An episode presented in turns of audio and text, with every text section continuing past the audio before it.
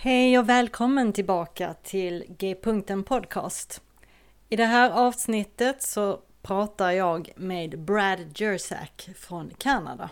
Vi samtalar om hans eh, historia och eh, om ett antal av hans böcker. Han kommer själv att presentera sig eh, närmare. Det här är det sista samtalet, den sista intervjun som jag har den här säsongen. Under december sen så kommer jag att ha adventstema och avsnittet som kommer ut på juldagen är ju då ett julavsnitt. Sen tar jag lite ledigt över nyår och är tillbaka igen sen den 9 januari. Men nu dröjer vi inte längre utan går in på avsnittet med eh, Brad Jersak. So welcome to G-punkten podcast, Brad Jersak. Thank you for having me. Can I call you Brad? Brad or Bradley too. Perfect. Um, would you just please introduce yourself briefly to my listeners, who you are, what you do, maybe a little about your family? Sure. So, my name is Bradley, and I live in Canada. I live on the West Coast with my wife, Eden, who's a pastor, and we have three grown children, two grandchildren.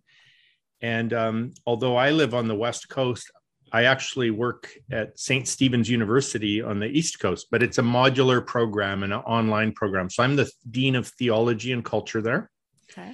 And I also uh, write books and I edit a magazine called Christianity Without the Religion, which is, I inherited that title.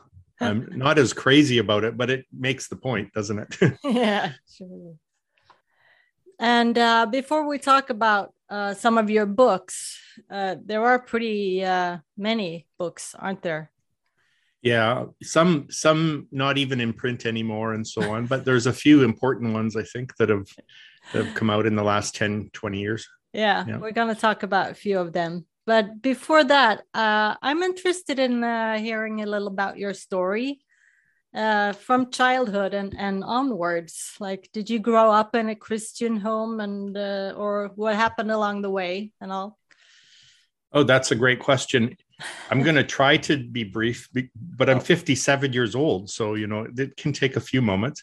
Um, okay. i grew up in a baptist home. Actually in the, in canada we have a conference called the general conference baptist and they're of swedish origin Oh, so that's interesting. and so they're conservative Baptists, and uh, that's how my parents raised me.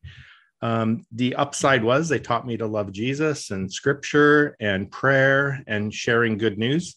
Um, the downside is in the 70s, we had these revivalists that would always come, and they had some very traumatizing and manipulative messages around things like Armageddon and the, the rapture and hell. And um, that leaves some damage but um, after 20 years, uh, my parents also, you know, they kept me open to to the spirit, and they tried to to ensure that I wouldn't become a young fundamentalist.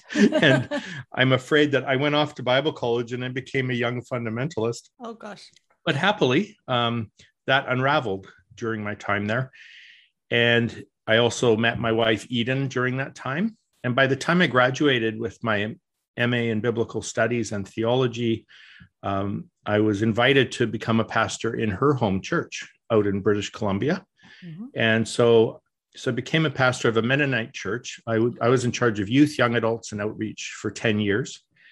And um, I would say that that was a that was a good experience. And I fell in love with people, and we learned some of the ways of of Jesus in inner healing, for example. And so we had a lot of broken people, uh, youth that had been molested as children, or kids at risk, and and uh, there was we had an effective ministry with them. And then after ten years at that Mennonite church, we went and we planted a church called Fresh Wind, and uh, with another couple, and that church was focused more on it was sort of charismatic slash contemplative. It was mainly, though, about people on the margins. And so we had a third of our church were people with disabilities in full time care. Oh. And somehow they attracted people who were um, addicts and, and so on. And, um, but you know, after 10 years there, I, I really had a meltdown because we faced some terrible tragedies that I found overwhelming. And uh, gratefully, the church asked my wife to lead the church at that point while I went off and, and did my PhD trying to answer some of these questions for myself. Um, by the time I graduated with my PhD, I had also found a home in the Orthodox Church. Um, they're they're very liturgical, and and my nervous system needed that kind of order. But also, it's a constant barrage of a theology of mercy. In a two-hour service, we say the word mercy or merciful 154 times. Literally, I counted, and um, and so that that began to really heal my image of God. And out of that i wrote books like a more christ-like god. And that, yeah. that's really coming from that eastern theology of the all merciful one. And um, so in 2012 I, I, graduated. I i began um, attending the orthodox church regularly and i entered the academic world so since then i have now been um, i've been a teacher at westminster theological center in in the uk which has hubs in stockholm all right. And um, also now, now I'm working at uh, St. Stephen's University and with the Institute for Religion, Peace, and Justice. Oh, so if you do links, I can send you links for those. People can take peace studies, and MA in peace studies with us online. Oh, so, that would be um, great. Yeah. It's pretty. It's it's. Uh, I'm in a good place now, and and um, so it's been quite a journey, though. If you think about going from Baptist to Mennonite to charismatic to Orthodox. Um, but I feel like I've picked up gifts along the way, and I've seen the riches there in the body of Christ, and every one of them has bad has issues. Right? Mm-hmm. I can tell you the horror stories, but I don't feel that. I feel I feel grateful, and it's because they showed me facets of what it is to be on the Jesus way, yeah. and and hopefully, um, as I share those, I have better news for people now than what I grew up with. Yeah, yeah, wow, that's quite a journey. Yeah. I'm glad to see you're in a good place now. yeah. Yeah, uh, thank you. yeah. there, I, I, re, there really can be for your listeners. Like I understand, there can be times in our spiritual journey that are very traumatic, oh, yeah. and they and there. I still I still feel the damage of it um, in terms of um, a, a, lower sort of lower resilience towards stress. I'm yes. more prone to have a panic attack now, and I'm and but I also accept that, and I know that Jesus loves me, and it's going to be okay. So that that can be helpful to folks who think they need to keep it all together. It's like no, you don't. Uh, right, this is why right. God is merciful. exactly. Yeah.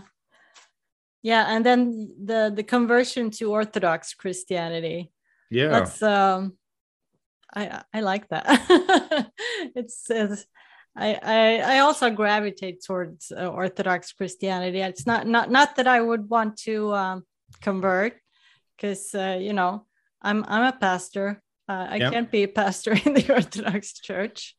As far yeah, as that's right. They they have um, I mean, at least not a priest, right? And so, right, yeah, there's right. things I, I, there's things I dissent. I'm a dissenter yeah. about that. I think we should have female priests, and yeah. I'm an egalitarian. And so, my commitment to that is that, well, my wife is a pastor in another church, mm-hmm. and I won't. I've chosen, and also I probably wouldn't even be allowed to uh, mm-hmm. go higher in the clergy than I am now. I won't go higher than a woman can go. Okay that Great. and uh, that's a commitment i've made and yeah. and they don't care. No. so no. i'm a theologian not a clergyman anyway so. Yeah right. Oh that's good. And you live in the beautiful british columbia. I've been to vancouver once. Once yeah, in my life. When it's not raining it is one of the most beautiful cities in the world. Um, yeah. as you know as we're speaking we're in the middle of flooding but um, it, that's going to be okay too. And um, we had a sunny morning, so I, yeah. I, watched a sunrise today, and it was oh, nice. That's great. So let's talk about a few of your books. Now, I right. haven't, I have not read them all. I'm just gonna, you know, say that, right? But um, I want to talk um, about four four of your books, and okay. let's start with um, In Yes. Incarnation, inclusion, Abba, and Lamb. Yes. Uh, do you primarily write for uh, believers? I mean, I would say primarily, the- yeah. yeah. I have a lot of genres though, you know, so I've written two children's books. I've Uh-huh. written a bunch of uh, theology books, inspirational books, and that and so on. I also I I, I have written a, a number of political philosophy books, and those aren't for believers. Ah, okay. Okay, I just thought about the su- subtitle. It's like, okay, incarnation, inclusion, Abba and Lamb. All right. Yeah. Uh, that's, you need to know a little about uh, the Bible or to know what incarnation and Abba and Lamb is, I guess. Um, now, I heard uh, an interview with you. It was Michael Cusick Yeah. who interviewed you about this and i was like oh yes yes i need to read because um it's um it says here that you're you're following the apostolic tradition and you uh, specify christ as our one lord jesus christ the lamb crucified and risen whose singular revelation unveiled god as our eternal cruciform and loving abba and then uh, a little later, it says, the higher our Christology, the wider we will perceive uh, the reach of Abba's love. Could you just talk about this this book? What is it exactly? What what is it that you want us all to know? Yeah, excellent question. I um, so I see I see two um, two movements happening, and they feel exclusive to me, and I don't think they should be. So on the one hand, you have you have people who who think they have a high Christology. They think very highly of Jesus, but but the the therefore is very exclusive and it's like this little club and unless you join the club then you're you know you're not going to be quote saved Mhm. and and so the, I, the the idea in that wing is that they if you elevate jesus you need to exclude most of the world from jesus. Yeah. and then the other the other wing i think makes a mirror mistake. And that is they they understand that god loves everyone that he's included everyone that there's nobody outside of his loving arms. But then they think therefore i need to minimize jesus. I need to sort of place him let's say among the prophets or as one of the great teachers and so on. And so so then they end up marginalizing jesus. So both both wings are in the in the business of marginalizing. One marginalizes the world one marginalizes jesus. And i'm like well this is not how the first christians thought. They went out um, sharing good news they didn't i don't know that they went out to start a religion they went out to share good news and that the good news was this that jesus had come to the world to tell us that god loves the whole world Yeah. and um, he he does this in a singular way. What I mean by singular is, is like no one else makes the claims Jesus does. Muhammad doesn't make the claims Jesus does. The Buddha didn't make the claims. It's like they, they didn't, they weren't claiming to be the incarnation of infinite love. And as best I can tell, Jesus was. And, but he does this in order to extend the love and forgiveness and mercy of God to every man, woman, and child on the planet, whether they know it or not yet. Right. Right. And so then in the book, what I'm trying to do is I'm trying to say, using the example of Cornelius in the book of Acts, who was before he heard the gospel, before he heard the name of Jesus, he already, according to God in Acts, was accepted by God Uh-huh. he was a righteous man that God heard his prayers and approved of his faith practices. And then on top of that, not only his faith practices, but that the text authenticates his spiritual experiences, the ones he has before he meets Jesus, like angelic visitations, messages from God. He was praying and he was hearing Hmm. God. He was in a relationship with God. So then the question is, well, then why tell him about Jesus? And um, using the example of John Wesley, who came to North America to share about Jesus with the indigenous people, Mhm.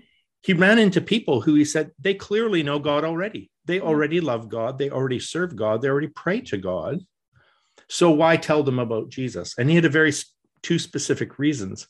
One was so that they could know their full inheritance mm-hmm. and receive their full assurance as Cornelius does. So when Peter preaches to Cornelius, he's not saying you're going to hell and you need to get saved. What he's saying is this God, you who you already knew, his here's some more information for you, some more revelation for you through Jesus, namely that you don't have to be a God fearer, you can be a God lover. Yeah. You don't have to bring sacrifices to God. That's already been done for you. And you don't have to worry about your, your destiny. Uh, your destiny has been established. So there's all this good news that he didn't know. And most importantly, then, as Peter's preaching, the Spirit falls on Cornelius and his group. And it's my sense is that it's the spirit that reveals God as Abba, which means Papa. Yeah, yeah.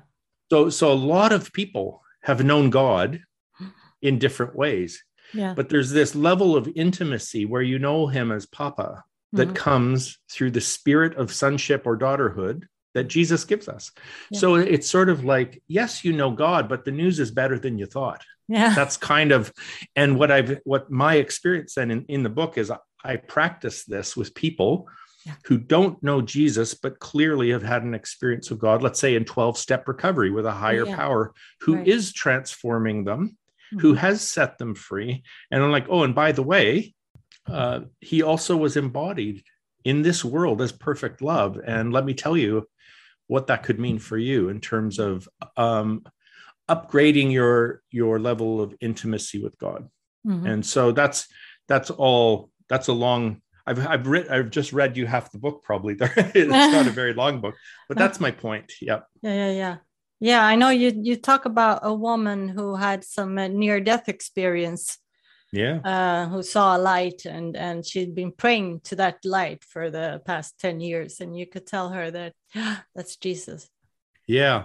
And and uh, whether she can agree to that or not, she didn't you know no. at the at the time she thought oh i'll go think about that yeah yeah and that's one thing about my stories is is i want to include that they they, they don't all get tied off with a neat bow right where everyone becomes a christian and joins our club no that's not the point it's that jesus went out to them and met them where they were at even before they knew his name yeah yeah that's that's beautiful because uh, he's the light of the world right. that's what that i guess that's my point is that the light shone on everyone mm-hmm. and he's the light so, but this light, this light heals us. This light saves us. This light forgives us. This light has mm-hmm. shown us that God is all merciful. Yeah, that that's great. And now we're almost coming up for Christmas, and the mm. light will come into the world again and again and yeah. again. yes, for sure. That's great. Yeah, I love that book. Um, then you have written a trilogy, the yeah. more Christ-like. Yeah by the way just to go back that that book has just come out on audiobook now. My friend boyd barrett has done oh. the the narration and he's a wonderful narrator. So just probably a week ago the, the book's now available on audio. Great. Great. I like audiobooks. I can do a lot of other, th- other things while i'm uh, listening. Yeah. Uh, then you've written this uh, trilogy a more christ-like god a more Christ-like way and a more Christ-like word. Yes. And um, the first one is uh, a more Christ-like God. It's uh, it's kind of like, well, you you want to you want to get away from the the notion that God is a vengeful warrior, or like like uh, Tripp Fuller usually say, God at least has to be as nice as Jesus. Yeah. Yeah. So, yeah, I've seen this a few times. I've seen it in in the ancient writings and in more modern ones where you know one of the archbishops of Canterbury in the UK he said God is Christ-like and in him is no unchrist-likeness at all. Yeah. You know that that Jesus is the fullness of the Godhead. He's not just the nice guy in the Trinity oh. protecting you from the the vengeful father. It's it's like no, there's one God and we have an image of that God and it looks like Jesus. Yeah. I don't know if uh, Brian Zahnd got it from you or you got it from him, but he he says that uh, God is like Jesus, and he's always been like Jesus. Yeah, exactly like And- Jesus, right? Yeah, and he always will be. And he, there was never a time he, he wasn't like Jesus. Yeah. And we did we have not always known that, but now we do. Yes. Brian and I can't remember either who gets what from what because our lives are a collaboration, really. You know, we're always, but uh, I'm happy to say that there are things I thought that I thought of that I learned from him for Yeah. sure. And, um, and, and, but what we're both doing there is, is we're both leaning on the first paragraph of the book of Hebrews that says that, that Christ is the radiance of God's glory the Mhm. exact representation of his likeness. So, so you're not getting. So even to say God is Christ-like, um, some people have objected. They're like, He's not just like him. He's he's exactly him. It's like, yes, that's our point. our point is that what has been preached as God has not been very Christ-like, and it should be because Mhm. God has revealed Himself perfectly in Jesus of Nazareth. Yeah. So that's um yeah, that's what that book is about, basically. yeah yeah that's exactly right. And and also that like we see we see the face of god in jesus. You know jesus says if you've seen me you've seen the father. But an important element to that book is our theology of the cross our brian and me and our friends.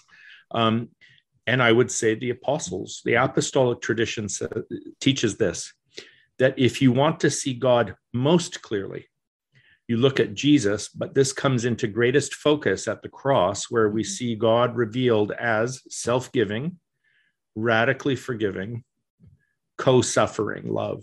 Mhm. Co suffering means he suffers with us, he unites himself to our pain and our sorrow. And that's important to me because we've got a lot of folks who they're sort of ex Christians. I guess I'm writing to ex Christians too. And, and they're like, well, I just, I don't believe in that Christian stuff anymore. I Right. believe in like the universe. I'm yeah. like, well, you know what? The universe doesn't love you. Yeah.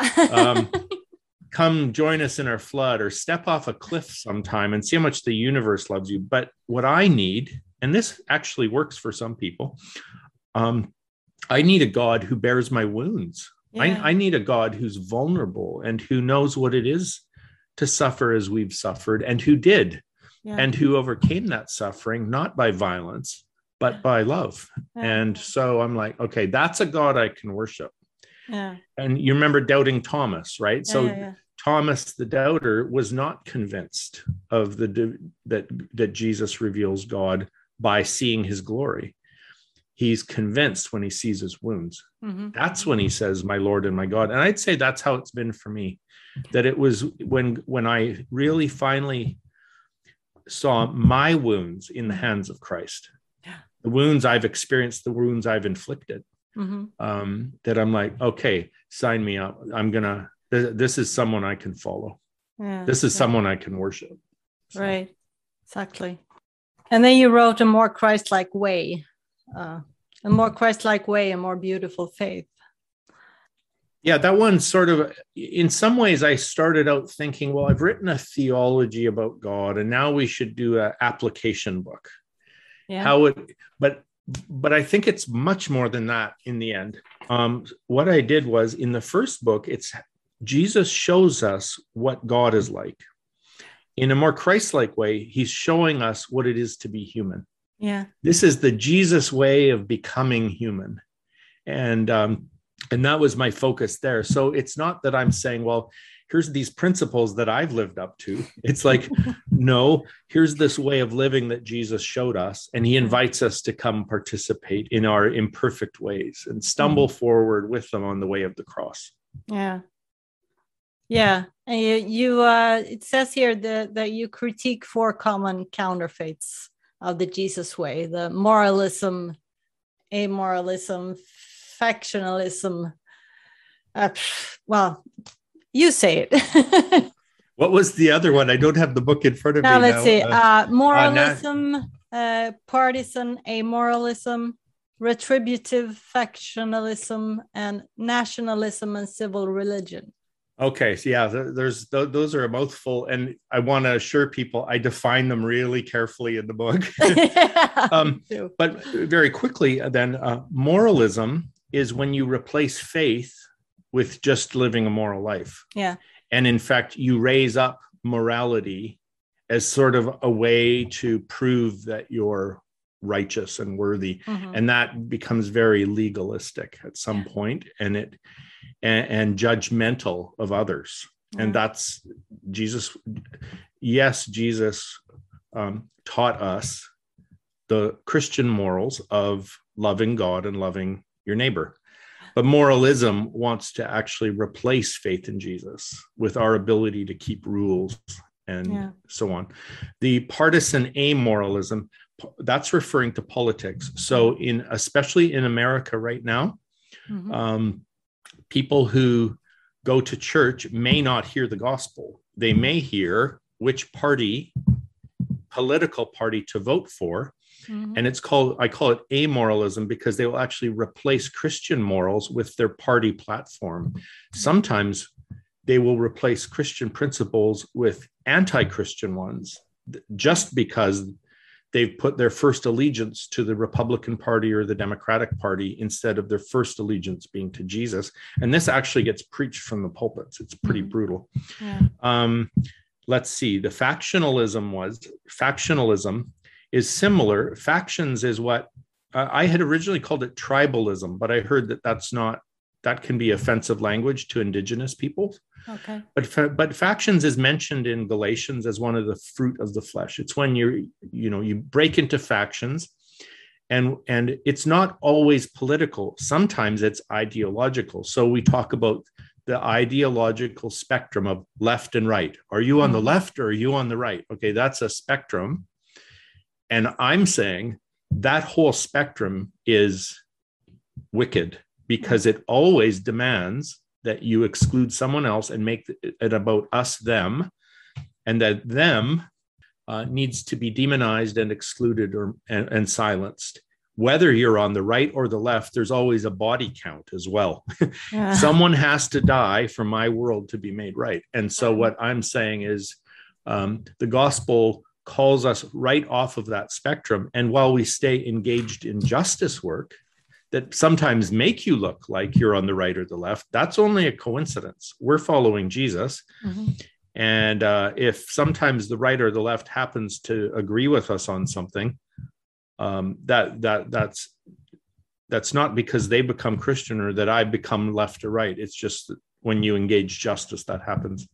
So that was three of them. What was the other one I missed? Uh, you have nationalism and civil religion. Oh yeah, okay. So as now this is a this is a huge problem. It's and and especially don't think of nationalism of, of a nation as just a country. Uh, let's say being loyal to your country would be patriotism. Nationalism has to do with your people group. Mhm. So let's say in World War II, Hitler that was a German nationalist. That didn't mean he was patriotic to Germany. It meant he wanted to create one empire of German-speaking people. So that's why he saw Austria and Czechoslovakia as part of the German. You know, well, this ha- ends up co-opting the church all the time, and I mean right now, both in America and in Russia, for example. The church is in bed with the state Mhm. absolutely and they want they think they can run that they can run the state and impose their will uh, on the state but the opposite always happens and so uh, um, nationalism creeps in and it it really infects christianity with something very ugly. And again it's us them our nation's better our nation's superior our people. And within america for example it's white nationalism. So it's right within the country Mhm. um, where and somehow that gets blended in and and uh, and they make a religion of it. And so civic nas- civic christianity or means it's when you replace the gospel with with your national or your well you you have a it's not even christianity it's just thin jesus talk Yeah. over top of really the worship of your own people group or your own state Right. Right. right. so those are some counterfeits that I addressed before going into okay, then what's the authentic way? If it's not that, Right. then what is it? And I give seven facets of the Jesus way that I think are central to our faith yeah. if we would live them. Yeah, yeah, yeah. Some of them are uh, self-giving and uh, radical hospitality, uh, uni, unity, recovery, peacemaking, forgiveness, compassion, justice. And then it's a you close with a more beautiful vision. Abba's I have a dream speech. yeah, yeah. We have the prophets of the Old Testament and the New Testament describing what God dreams about this world. So it's not about, well, everything here is going to fry and we'll just go off to heaven behind Pluto somewhere. It's like, no, um, we pray, let your kingdom come, let your will be done on earth yeah. as it is in heaven. Exactly. And then the prophets, especially Isaiah, Micah, and some of these, they describe what that would look like. And it mm. looks like peace, it looks like mercy, it looks like justice, it looks like inclusion, it looks like a banquet. Yeah. And this is Jesus' primary image for the kingdom of God. It is a it, it is a banquet of all peoples where we have diversity and inclusion and a welcome. And so um, so it's it's almost like God, yeah, God has a dream, and Isaiah got to see it, and he tells you what God was dreaming. Okay. Yeah. And then uh, the last book in this trilogy is a more Christ-like word, reading mm-hmm. uh, reading scripture the Emmaus way. Could you explain that? Yeah. So the first point of order is that I grew up in a church where the word of God was a phrase we used to describe the Bible.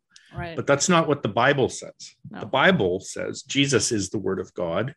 And then scripture is a testimony or a witness to the word of God. Jesus is the word of God because he is what God has to say about himself mm-hmm. in person. Um, and so um, the second thing about that is that all of the scriptures point to Jesus. And so, on the story of the road to Emmaus, this is the afternoon of Jesus' resurrection. He appears to two disciples and he explains to them, he opens, he opens the scriptures to them. What scriptures? Well, their scriptures, the Old Testament is what we would call them. Yeah.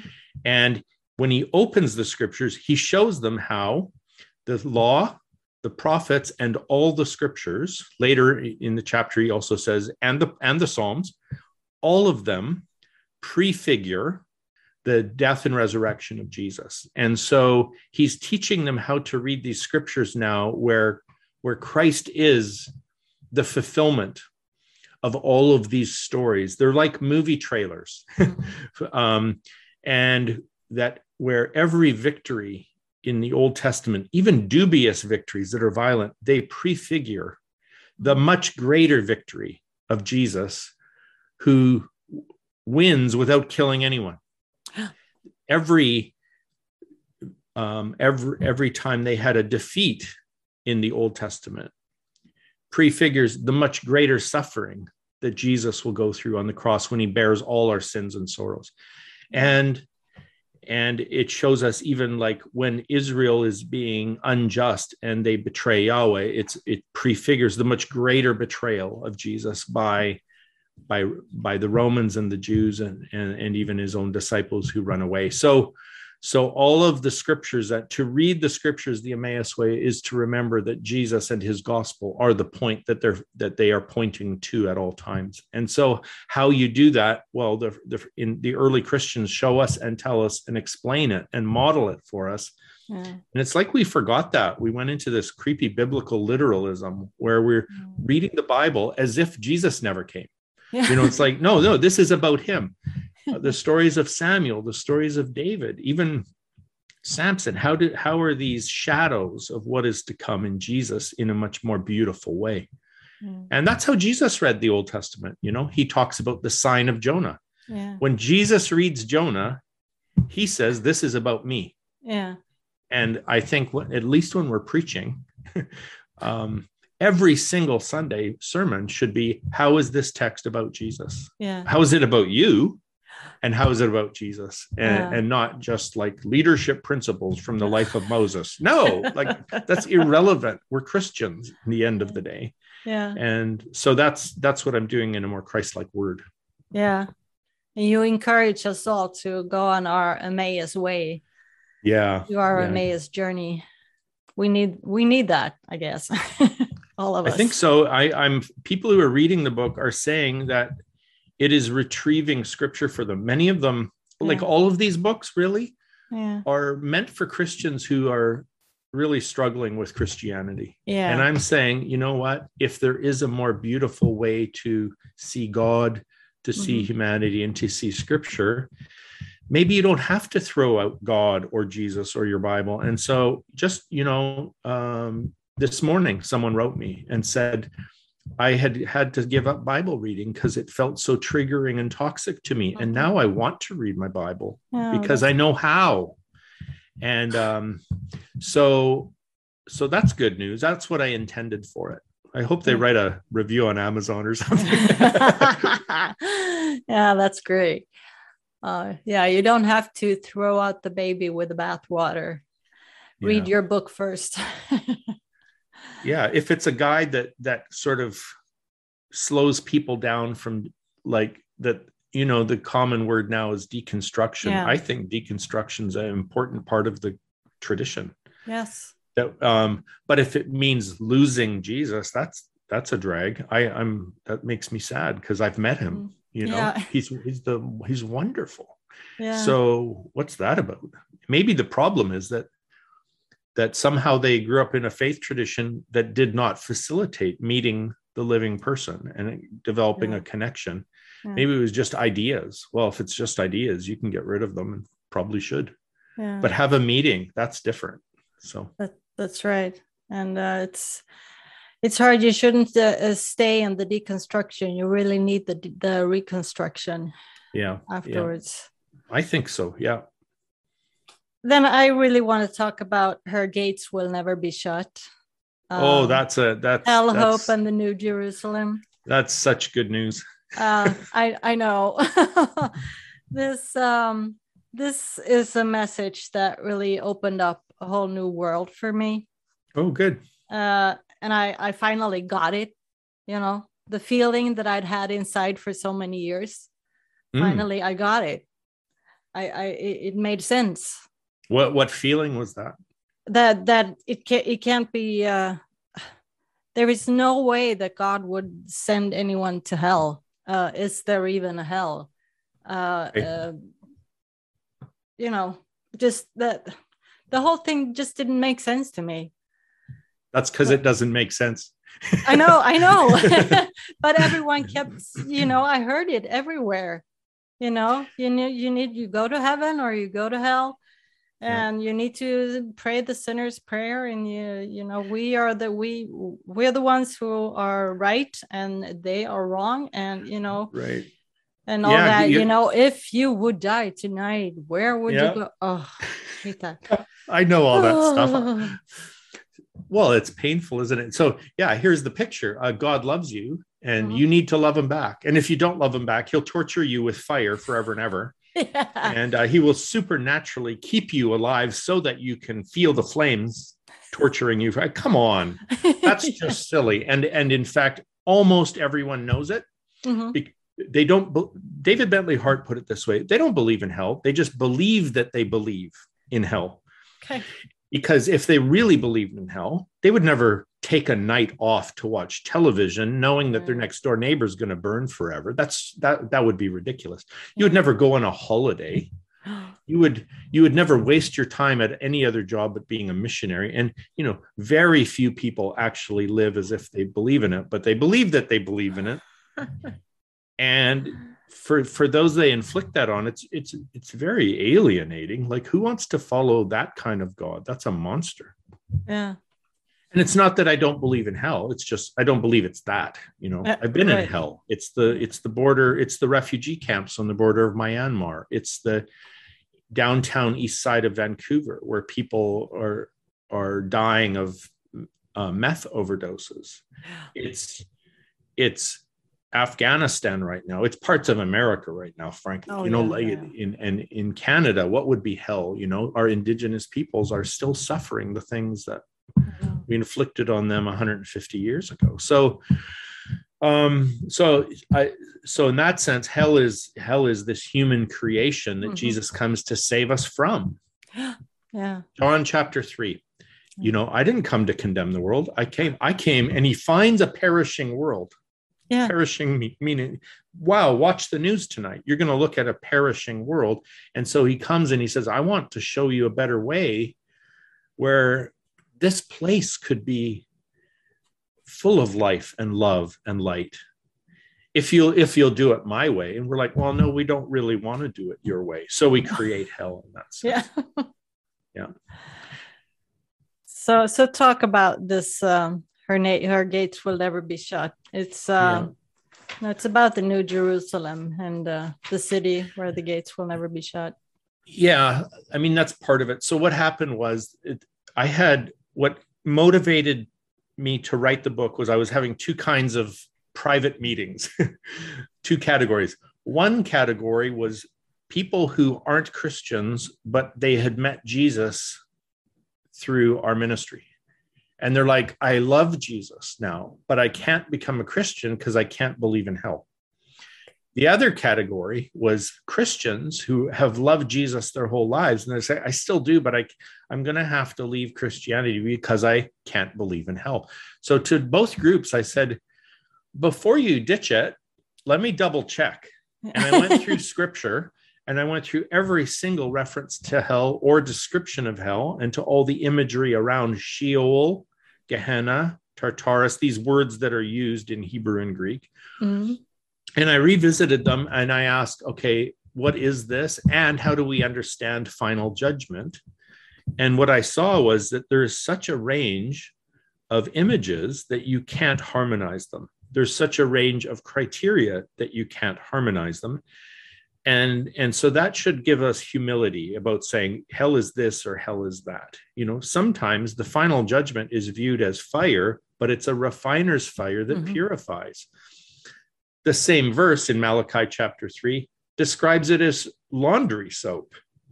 so, why, if you can choose to express what God wants to do at the final judgment with fire or laundry soap, why do we always choose fire? Yeah. well, um, well, because it's more terrifying. So you can Mhm. control people and manipulate them, manipulate them into converting, maybe. But my conclusion was that while there are some final judgment passages that look retributive, there's other ones that are entirely restorative. And then the question is, who gets the last word? Mhm. Jesus gets the last word. And he says, if I am lifted up, I will draw all men to myself. Right. He probably doesn't draw the women to himself because they already came on their own. Yeah. Right? The men, the men need to be kind of dragged in. um, Yeah, right. And then towards the end, you know, you're reading all these scriptures and you're recognizing the imagery is about either purification or destruction, but self-destruction. Mhm.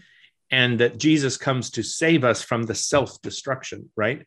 Yeah. But then folks are like, well, what about the book of Revelation? And that's where I go right to the end. Mhm. And they talk, you know, everyone's like, well, it says that if your books, if your name's not written in the book of life, you'll be thrown in the lake of fire. And it lists the groups of people that will be in the lake of fire. Mhm. And I'm like, well, hang on. That's chapter 20. There's two more chapters. Keep Yeah. reading. Then it describes the new Jerusalem that comes down from heaven, that God dwells in it. And it says, and these are the people outside the city. And it gives you the same list that were in the lake of fire. Yeah. And then it says, the gates of the city will never be shut. Right. And the spirit and the bride say, Come. All who are thirsty, come to the waters. Who are they talking to? The people outside the city. Right. So at any given point, you know, and this may not even be about the future, it could be just a description of life now. Mhm. At any given point, heaven's gates are open to everyone. And then uh, John sees the, the kings bring the glory of the nations into the city. Well, the, na- the kings and the nations up to that point in Revelation were those who had been deceived by the beast and persecuted the church. Mhm. Now they're coming into the city too. Yeah. And he said, "You no, you can't get in unless you get your robes washed in in the blood of the lamb." It's like, but you can. So forever you can be cleansed of everything that um uh, that keeps you from the love of God. Mhm. He, um, he Jesus can wash that away. If you have if shame keeps you from running to the love of God, He can wash that shame away. If guilt causes you to to go run and hide from God, He can lift that guilt away. and it's it's sort of like the prodigal son story then you can Yeah. come home whenever you want to and hell is living outside in the pig pen Yeah. um, but you don't have to. So come, but you know, and so we will. And and so that becomes my question. And I don't go this far in the book. I'm I'm I'm tentative in the book because I want people to decide for themselves. But I can tell you now, 10 years after writing it, if you ask this basic question, yes, we have a we can return if we want to.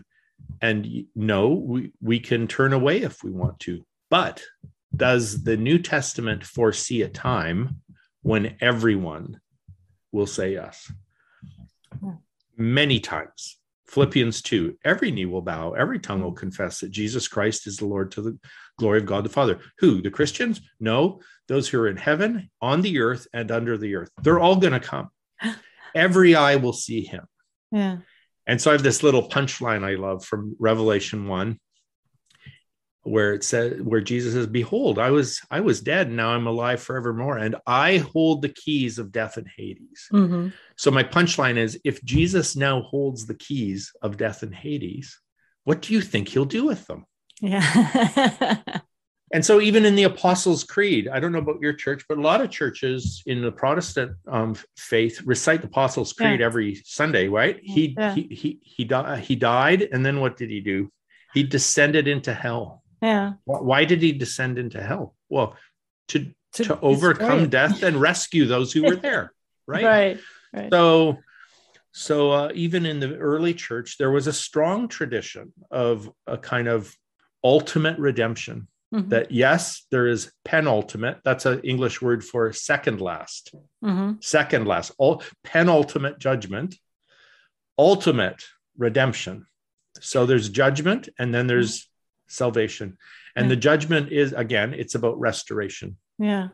Um, I see this all the time in the real world. You know, I attend 12 step meetings, Yeah. you know, um, and, and you see people there who are, they've come, they're living in hell. And then they Mhm. find out that there's a God who loves them and that they can be restored to sanity and, and they surrender their lives and will to that love Yeah. and they find that love healing them and and and nobody nobody's excluded and by the way many of those don't even know that that love is jesus and it Right. apparently jesus is okay to do it anonymously um because he knows that many people who've heard the name jesus attach to it an ugly kind of religion yeah. Yeah. and he's like well if you can't hear my name yet i'll still heal you if, Yeah.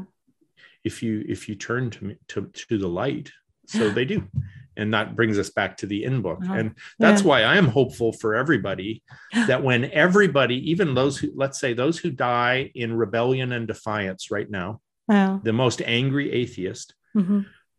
i don't think they would reject jesus if they knew what he's really like No. so it's not really fair to send them to hell forever right. for rejecting an idol No.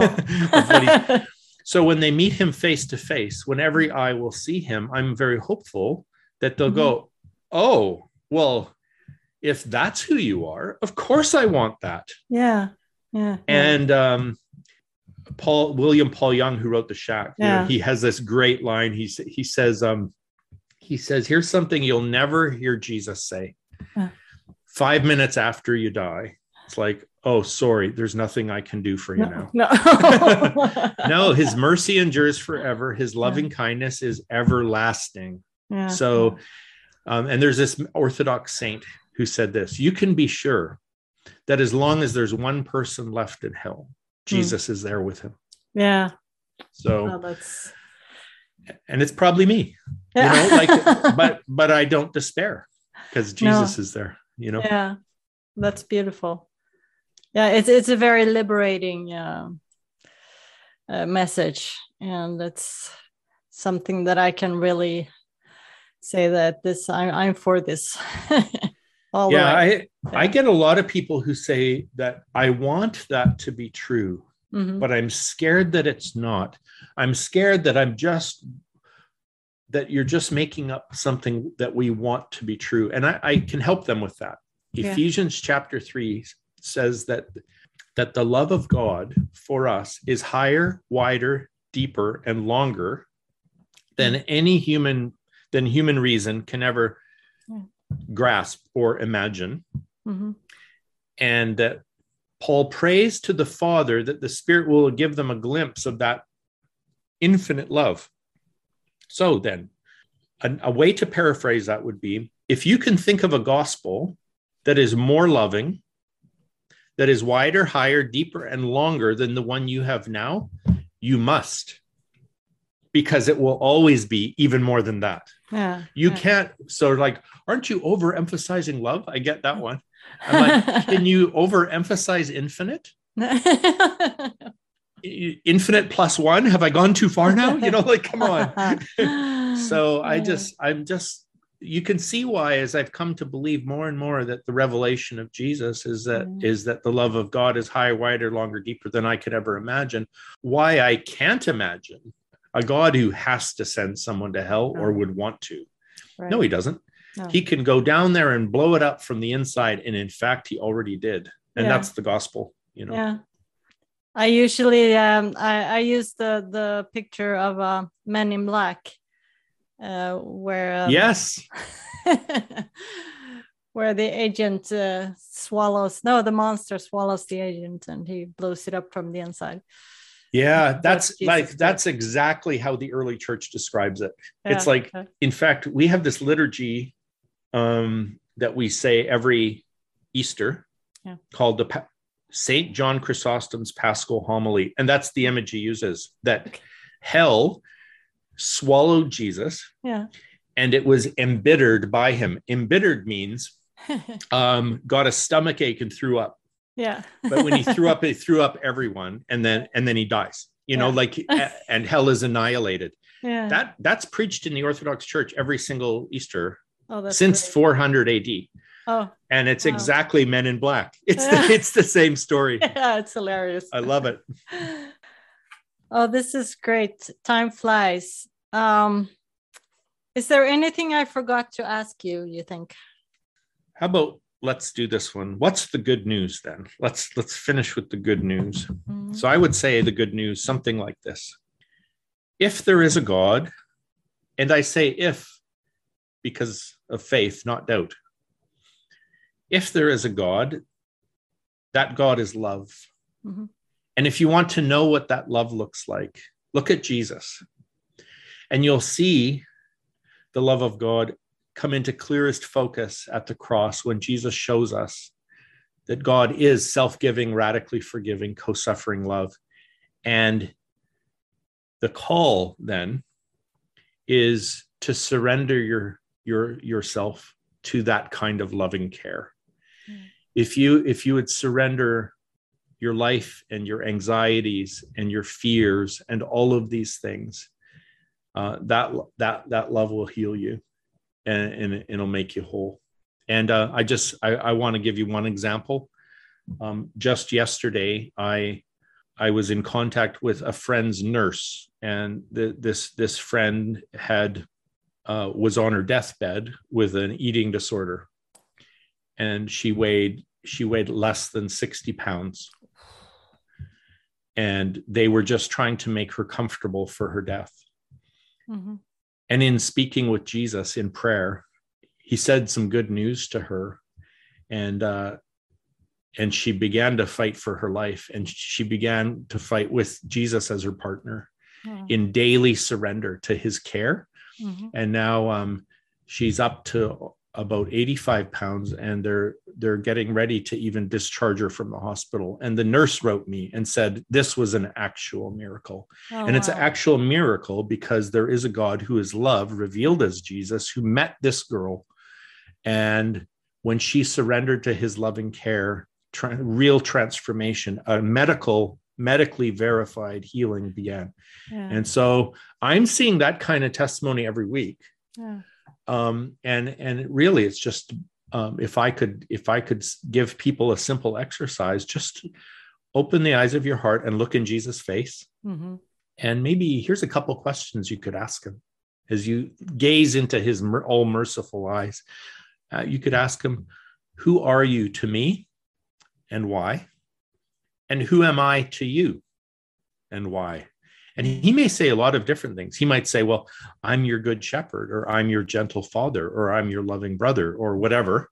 Mm-hmm. And uh, who am I to you? And he might say, Well, you're my beloved daughter, or you're my precious son, or uh, you're the sheep I found tangled yeah. up in the, you know, and, and just to have that conversation so that we develop a living connection with a real person instead of just theological ideas that yeah. don't last through a deconstruction. So that's good. That's a good closer, I think. Yeah, it's a good closer. I do have one short last question that I ask every interviewee. Excellent. I would love that. Uh, where do you find pleasure and well-being right now? Um, yeah, for me, it is time with my wife at home, just watching Netflix or whatever. and and the reason for that is because I was chronically over traveled. I was in perpetual jet lag for like 10 years. And for me, um, I'm also an introvert. Mm-hmm. So for me, the solitude and the quietness of being and and and not having to endure the loneliness of being separate from my wife mm-hmm. while I can't sleep through all of that. Mm-hmm. So for for me the COVID lockdown has actually been a reset and it's caused me to think I'm flourishing now with this new lifestyle why would I go back right to like you know that and so so even though it sounds so simple, right? My wife and I just watching TV in the yeah. evening together um, is is really restorative. I was I was already doing all the spiritual stuff, uh-huh. you know, uh-huh. praying uh-huh. yeah, and yeah, reading my Bible, you know. But it, it, it, it's it's that sense of home and belonging uh, that I long for for other people, and so.